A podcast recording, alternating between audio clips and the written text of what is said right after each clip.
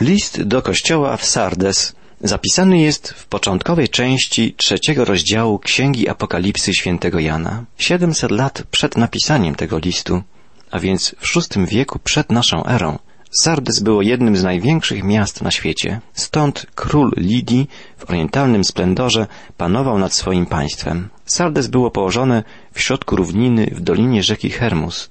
Z północnej strony tej równiny wznosił się łańcuch gór. Od łańcucha tego jak od nogi rozchodziły się liczne wzgórza. Na jednym z nich, wznoszącym się ponad 40 metrów nad doliną, stało pierwotne Sardes. Takie położenie czyniło to miasto twierdzą nie do zdobycia. O Sardes mówiło się wtedy jako o wieży stojącej na straży całej doliny. Z czasem jednak powierzchnia wzgórza stawała się za mała dla rozbudowującego się miasta i dlatego Sardes powoli zaczęło stępować ku dolinie, położonej u podnóża góry. Bogactwo Sardes miało legendarne rozmiary. Przez niższą część tego miasta przepływała rzeka, której wody, jak powiadano, w dawnych czasach niosły ze sobą złoto. Największym z sardyjskich królów był Krezus. Jego imię jest nam znane.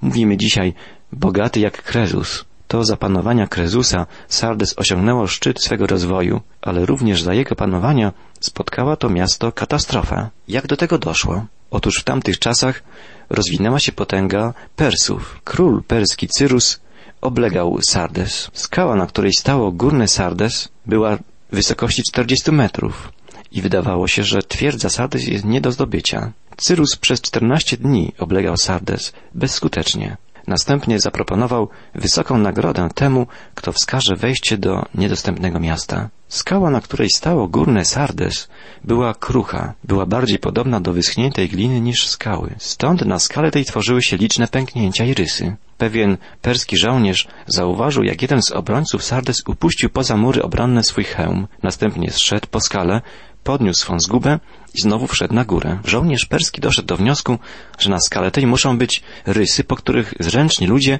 mogą się wspiąć na szczyt. Pod osłoną nocy poprowadził on tędy perskie wojska. Po wejściu na szczyt Persowie ze zdziwieniem stwierdzili, że na murach obronnych nie było żadnej straży. Sardyjczycy byli tak pewni swego bezpieczeństwa, że nie widzieli potrzeby stawiania straży. I tak upadło miasto Sardes. W ciągu dwóch wieków panowania perskiego znikło ono z kart historii. Później zostało odbudowane i przeszło pod panowanie Aleksandra Wielkiego. Znowu stało się miastem o greckiej kulturze. Historia jednak powtórzyła się. Po śmierci Aleksandra Wielkiego wielu ubiegało się o jego tron. Antioch, władca terenów, na których leżało Sardes, prowadził wojnę ze swoim rywalem, który w Sardes szukał schronienia. Przez cały rok Antioch oblegał to miasto. Jeden z żołnierzy dokonał takiego samego odkrycia jak niegdyś ów perski żołnierz. W nocy z grupą żołnierzy wspiął się po stromej ścianie skały na jej szczyt. Sardyjczycy zapomnieli lekcji historii. Nie było strażników i znowu miasto zostało pokonane z powodu braku czujności. Następnie przyszli Rzymianie. Sardes wciąż było bogatym miastem, stało się ośrodkiem handlu wełną. Powszechnie twierdzono, że właśnie tutaj wynaleziono sztukę farbowania wełny. Tu odbywały się rzymskie procesy sądowe.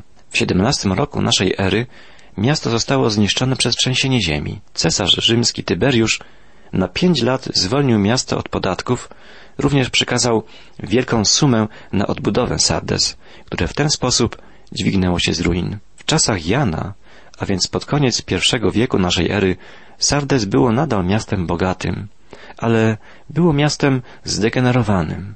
Nawet dawna wielka cytadela była teraz starożytnym zabytkiem na szczycie wzgórza. Nie było tam już życia ani odważnego ducha. Sardyjczycy, niegdyś dzielni i wielcy, dzisiaj byli jak gdyby złamani i potulni. Dwa razy przez swoje lenistwo doprowadzili swoje miasto do upadku. W atmosferze tego przygnębienia również chrześcijański kościół utracił swoją witalność. Nie był żywym ciałem, przypominał organizm pozbawiony wszelkich sił witalnych. Do takiego kościoła skierowane są słowa zmartwychwstałego Chrystusa. Nawróć się, jeśli nie będziesz czuwać, przyjdę jak złodziej i nie poznasz, o której godzinie przyjdę do ciebie. W początkowych wierszach trzeciego rozdziału Księgi Apokalipsy czytamy Aniołowi kościoła w Sardes napisz, to mówi ten, co ma siedem duchów Boga i siedem gwiazd. Znam twoje czyny. Masz imię, że żyjesz, a jesteś umarły.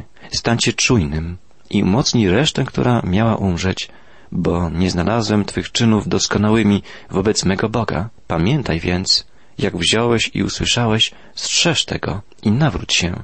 Jeśli więc czuwać nie będziesz, przyjdę jak złodziej i nie poznasz, o której godzinie przyjdę do Ciebie.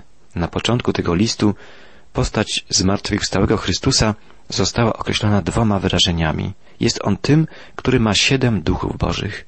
Wyrażenie to posiada dwa aspekty. Oznacza ono Ducha Świętego z jego siedmiorakimi darami oraz oznacza ducha w jego siedmiorakim działaniu. Siedem duchów mówi nam o pełni darów ducha i o jego wszechobecności. Chrystus jest tym, który ma siedem gwiazd, czytamy dalej. Gwiazdy symbolizują kościoły i ich aniołów.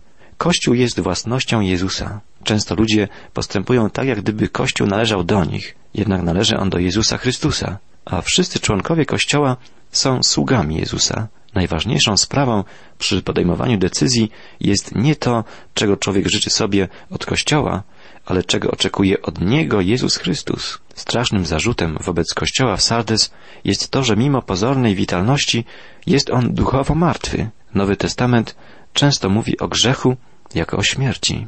Grzech jest śmiercią woli. Gdy przez dłuższy czas człowiek godzi się z grzechem, później nie potrafi już zgodzić się z czymś innym. Utrwala się w nim nawyk, którego później nie może się pozbyć. Człowiek zaczyna nienawidzieć swoje grzechy, a jednocześnie kocha je. Grzech jest także śmiercią uczuć. Proces zniewolenia wobec grzechu nie dokonuje się natychmiast. Pierwszemu grzechowi towarzyszy niepokój sumienia. Jednak z biegiem czasu, gdy niepokój ten zanika, grzesznik sięga po coraz przewrotniejsze środki. Grzech paraliżuje uczucia.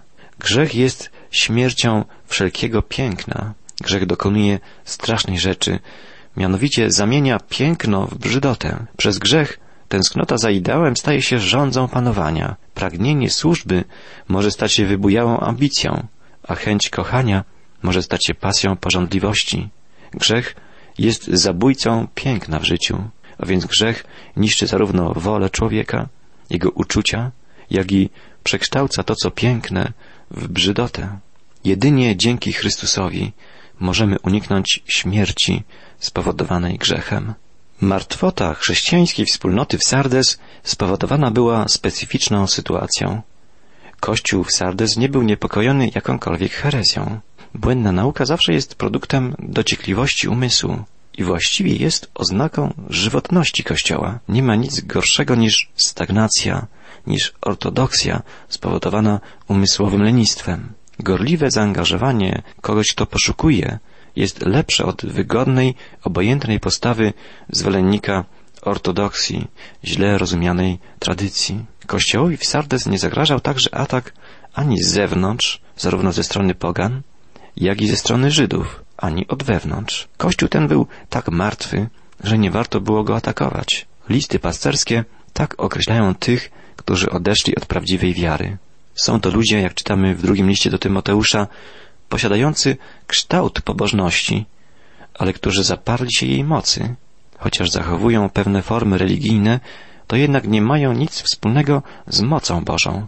Będą zachowywać fasadę religijności, ale swoim zachowaniem będą zaprzeczać jej wartościom. Prawdziwie żywy Kościół zawsze będzie atakowany. Biada wam, powiada Jezus, gdy wszyscy ludzie dobrze o was mówić będą. Te słowa znajdziemy w Ewangelii Łukasza w szóstym rozdziale.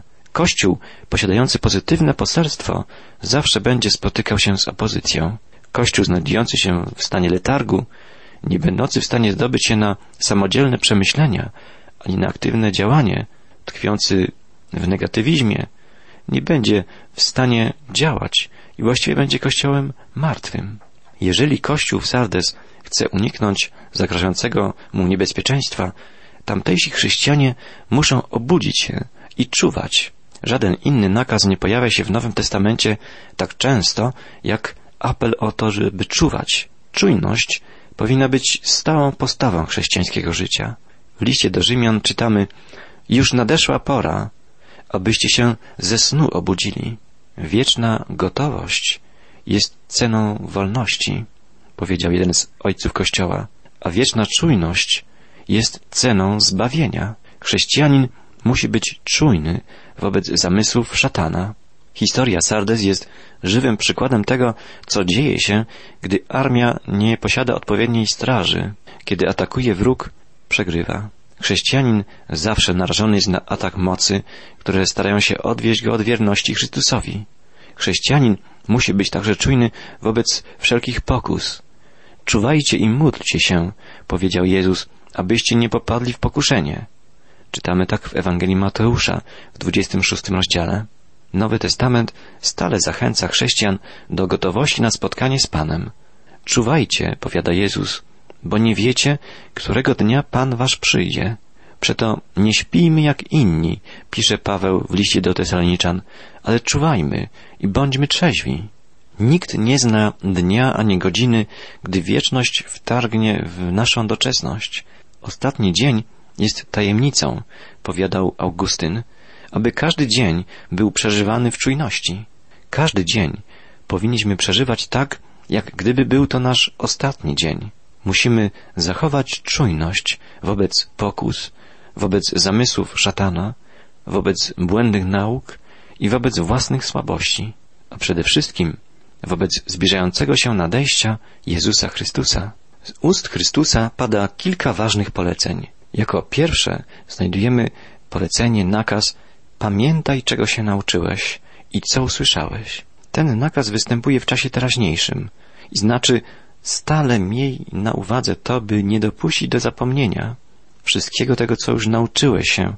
Zmartwychwstały Chrystus nakazuje ospałym Sardyjczykom, żeby pamiętali o wielkiej radości, którą przeżywali w czasie pierwszego zetknięcia się z dobrą nowiną i o wszystkim tym, czego się już nauczyli z Ewangelii. To prawda, że pewne fazy życia rozbudzają przytępioną już pamięć. Na przykład, gdy stajemy nad grobem, przytłumiony latami smutek na nowo przenika nasze serce, bo przypominamy sobie drogą nam osobę, która odeszła. Chrześcijanin stale musi stać przed krzyżem i stale musi pamiętać o tym, czego dokonał dla niego Jezus Chrystus. Zmartwychwstały Pan powiada, upamiętaj się. Jest to nakaz w trybie rozkazującym. Określa działanie, zmianę postawy.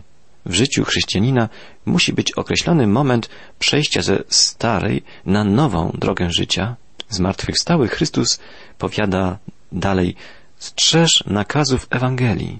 Ten nakaz, to polecenie znowu występuje w czasie teraźniejszym. Wskazuje więc na ciągłe działanie. Zwrot ten moglibyśmy przetłumaczyć następująco. Nigdy nie przestań strzec, przestrzegać nakazów Ewangelii.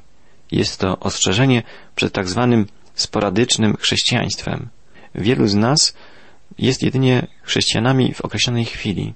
Znamy powiedzenie, jak trwoga, to do Boga. Tymczasem powinniśmy stale być czujni, stale aktywni. Chrystus oczekuje działania od każdego z nas.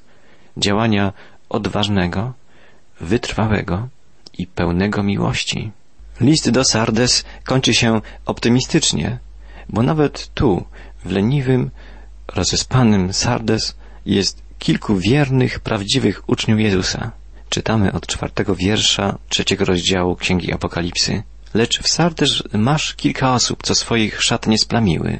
Będą chodzić ze mną w bieli, bo są godni. Tak szaty białe przywdzieje zwycięzca i z księgi życia imienia jego nie wymarzę i wyznam imię jego przed moim Ojcem i jego aniołami. Kto ma uszy, niechaj posłyszy, co mówi duch do kościołów. Nawet w Sardes jest kilku wiernych uczniów Chrystusa. Bóg nigdy nie przestaje szukać choćby kilku wiernych i nigdy nie traci ich ze swego pola widzenia w masie przewrotnych czy leniwych. Wierni otrzymują obietnicę, że w przyszłości będą chodzić z Bogiem. Wyrażenie to może mieć dwojakie źródło. Może ono pochodzić poprzez porównanie ze świata pogańskiego. Na dworze króla perskiego najbardziej zaufani mieli przywilej przechadzania się razem z królem po ogrodach królewskich i byli nazywani towarzyszami ogrodu. Ci, którzy pozostali wierni Bogu, pewnego dnia będą chodzić z Nim po raju. Wzmianka o chodzeniu z Bogiem może też wywodzić się z opowiadania o Henochu. W pierwszej księdze Biblii, księdze Genezis, czytamy w piątym rozdziale Henoch chodził z Bogiem, a potem nie było go, gdyż zabrał go Bóg. Enoch chodził z Bogiem na ziemi, następnie chodził z nim w niebie. Człowiek, który w bliskiej społeczności chodzi z Bogiem na ziemi, jeszcze bliżej będzie wobec niego po zakończeniu swego ziemskiego życia. Tym, którzy są wiernymi, dana jest następnie potrójna obietnica. Chrystus mówi, że zostaną oni przyobleczeni w białe szaty. O sprawiedliwych mówi się, że zajaśnieją jak słońce w królestwie Ojca. Zaś Bóg przyodziewa się światłością jak szatą. Czytamy w psalmie 104. Co może oznaczać więc biała szata? W starożytnym świecie biała szata była po pierwsze symbolem uroczystości. Białe szaty mogą być więc świadectwem tego, że wierni będą gośćmi na przyjęciu u Boga. W starożytnym świecie biała szata była również symbolem zwycięstwa. W uroczystym dniu rzymskiego triumfu wszyscy obywatele ubierali się na biało. Miasto w tym dniu nazywano Urbs Candida, czyli miasto w bieli. Białe szaty są świadectwem nagrody dla tych, którzy odnieśli zwycięstwo. W każdym kraju i w każdym okresie czasu biały kolor jest także symbolem czystości. Dlatego białe szaty mogą świadczyć o czystości tych, których przywilejem jest oglądanie Boga, błogosławieni czystego serca, albowiem oni Boga oglądać będą, czytamy w Ewangelii Mateusza w piątym rozdziale. Białe szaty mogą też oznaczać zmartwychwstałe ciało, które wierni otrzymają w określonym dniu. Wierni uczniowie Chrystusa będą mieli udział w bieli światła, który jest szatą samego Boga, a więc białe szaty. A druga obietnica, dana wiernym, ich imiona nie zostaną wymazane z księgi życia. Zapisanie imienia w księdze życia jest włączeniem do grona wiernych obywateli Królestwa Bożego. I trzecia obietnica. Jezus Chrystus wyzna ich imiona przed swoim Ojcem i przed aniołami. Jezus obiecał, że przyzna się przed swoim Ojcem do tych, którzy przyznają się do Niego przed ludźmi. Jeżeli ktoś zaprze się Go przed ludźmi, tego i On zaprze się przed swoim Ojcem. Jezus Chrystus zawsze jest wierny temu, który jest wierny Jemu. Bądźmy wierni Chrystusowi, bądźmy czujni, a będziemy żyć wiecznie z Jezusem.